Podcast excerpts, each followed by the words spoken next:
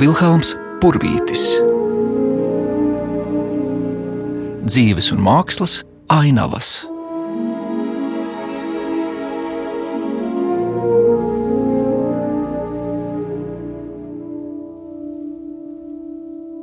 Mans vārds ir Sandra Krastiņa, un es esmu gleznotāja. Varētu teikt, māksliniece, bet tā kā pamatā es tomēr teiktu gleznotāja.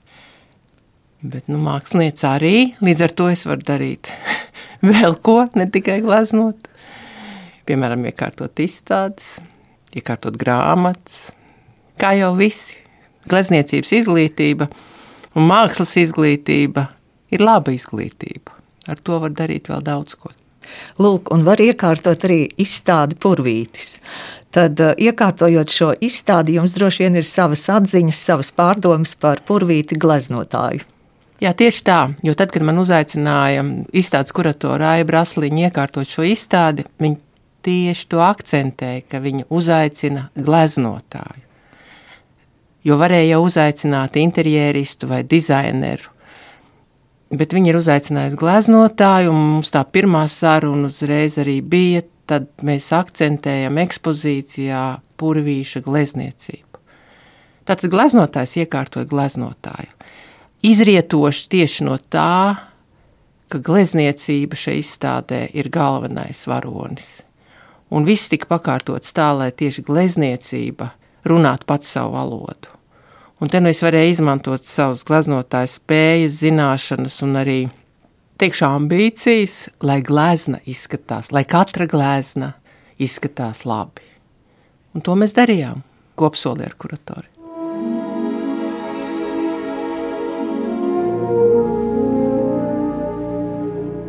No paudzes paudzē mums visiem ir sajūta, ka mēs zinām, kas ir purvītis, kādas ir viņa gleznas. Tās ir Latvijas ainavas, kas ieguvušas vispārinājumu un darbojas pāri laikam. Izstādes tapšanā Sandra Krastiņa pietuvinājusies meistara darbiem tuvu jo tuvu, un ar viņas starpniecību palūkosimies dziļāk. Runā par viņas šo īpašo triepienu. Varat atklāt, kas tur ir tajā triepienā svarīgs? Patiesība. Viņš savā triepienā vai savā rokas žestā vienmēr ir bijis ļoti ieinteresēts un ļoti patiesis. Izstāde ir iekārtot pēc tādas koncepcijas, kad mēs ievērojam tos četrus lielos viņa dairats periodus. Tas ir eh, tāds realistisks sākuma periods, tad ir, kā mēs ar kuratoru to dēvējām, impresionismu epizode, un tad ir 20. gadi, Nu, tas ir tas purvīts, ko mēs zinām. Viņš izstrādā pats savu glezniecības kanonu, kurā arī strādā un dzīvo. Un tad ir vēl viens periods, 30. gadi līdz 40. Nu, līdz kara beigām, kad viņš turpina strādāt pie savu tā izstrādātā kanonveidas ainavas, bet viņš atgriežas, bet pilnīgi citā lokā pie šī impresionistiskā paņēmiena. Un, ja, lai nonāktu pie tā triepiena, kā visi mākslinieki. Un arī viņš to, ko atklāja vienā periodā, nākamā savā dairādas periodā, viņš, var sakot, visu zināmo izmanto, tikai izmanto jau nākamajā kaut kādā pakāpē. Ja pašā pirmajā periodā, kad vēl ir realistiskā skola, krievu realisms, triepiens kā pašvērtība, tajā brīdī nav būtisks. Būtisks ir telpveida vai ne, un virsmas apstrāde bet jau tajā iezogās tādas skicītes un tādi uzmetumi. Nu, jā, es vēlos uzsvērt, mēs spriežam pēc tā, kas ir saglabājies. Un tad tajā impresionistiskajā epizodē Rēvelē, jo viņš braukā pa pasauli, viņš jau ir pasaulē atzīts kā mākslinieks, viņš redz, kas viss notiek. Kādas vēsmas glezniecībā, pie kā glezniecība tajā laikā ir nonākusi, kādas paņēmienus ir aprobējusi, nu, viņš izmanto, viņš lieto, viņš izmēģina atmosfēriskumu, citu kolorītu, un tad viņš to šajā impresionismu epizodē iegūto nes tālāk arī savā klasiskajā periodā. Un līdz mūža galam, un triepiens. Tas ir gleznas uzbūves ritms, tas ir eh, perfekta tonalitāte, un ziniet, pie tonalitātes tas nozīmē, ka viņš savu gleznu būvē plānos, bet viņš perfekti, lai cik krāsains, lai cik liekas tāda krāsa kakofonija, viņš tieši ar tonalitāti viņus noved gleznojumā līdz harmonijai. Un tad ir tā atbilde, ko jūs man jautājat, tas ir tas patiesums pret savu triepienu.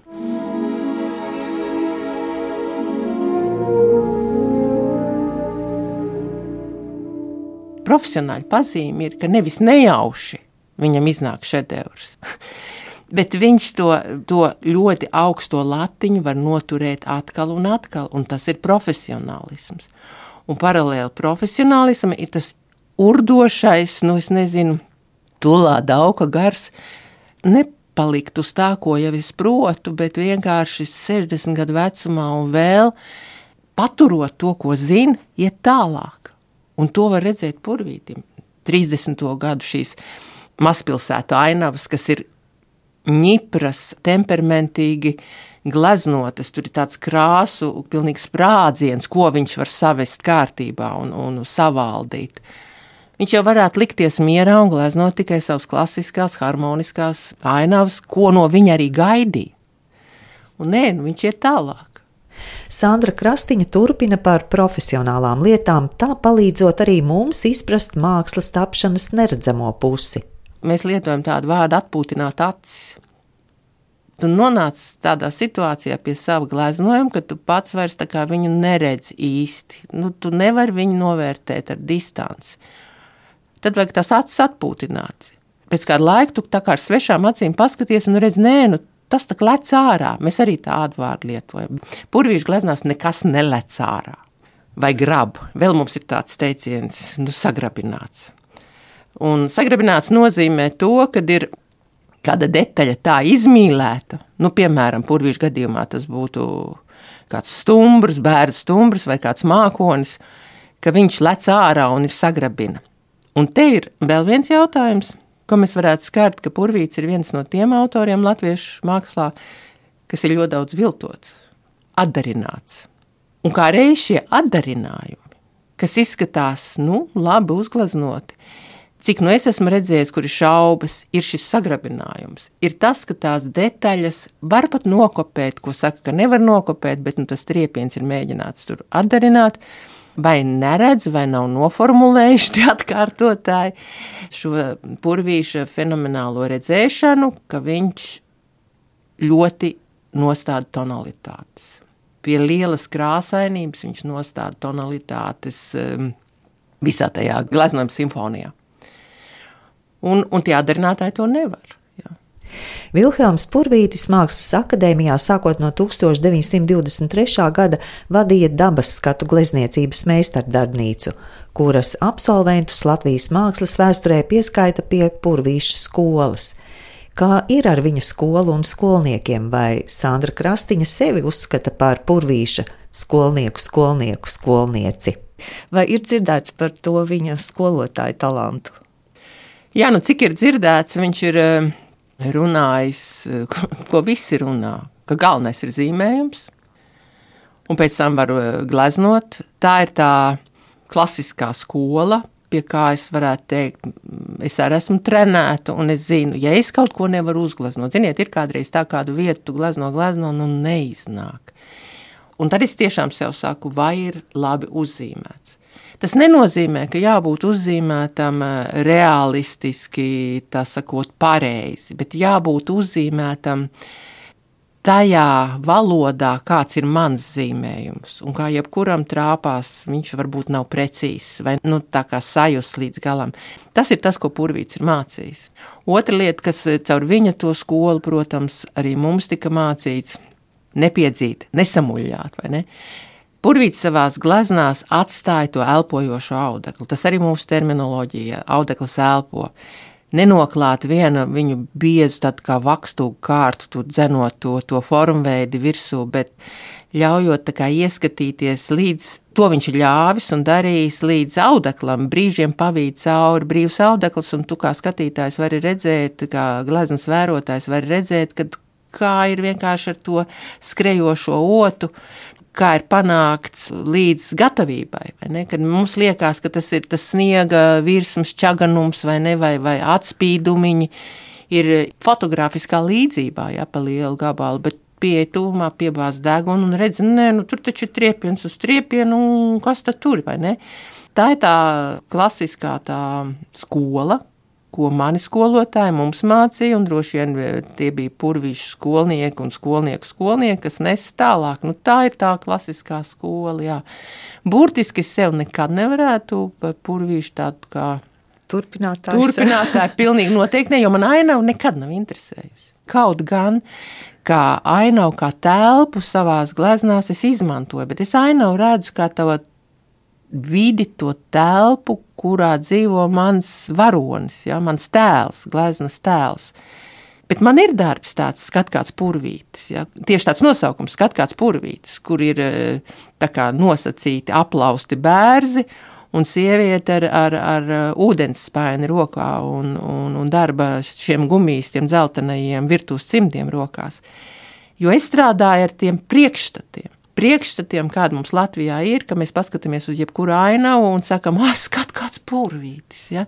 Jo mēs zinām, mēs jau redzam tagad kaut kādā veidā ainavu ar purvīšu acīm. Viņš mums ir ielogojis. Viņš ielogojis mūsu skatu meklētāju. Kad mēs paskatāmies pa mašīnas logu vai pļaviņā pavasarī, Nekur jau nav tāda purvīša, kā viņi gleznās, bet mēs paši ar savām acīm atmetam lieko un ielogojam. Mēs skatāmies tādā logojumā.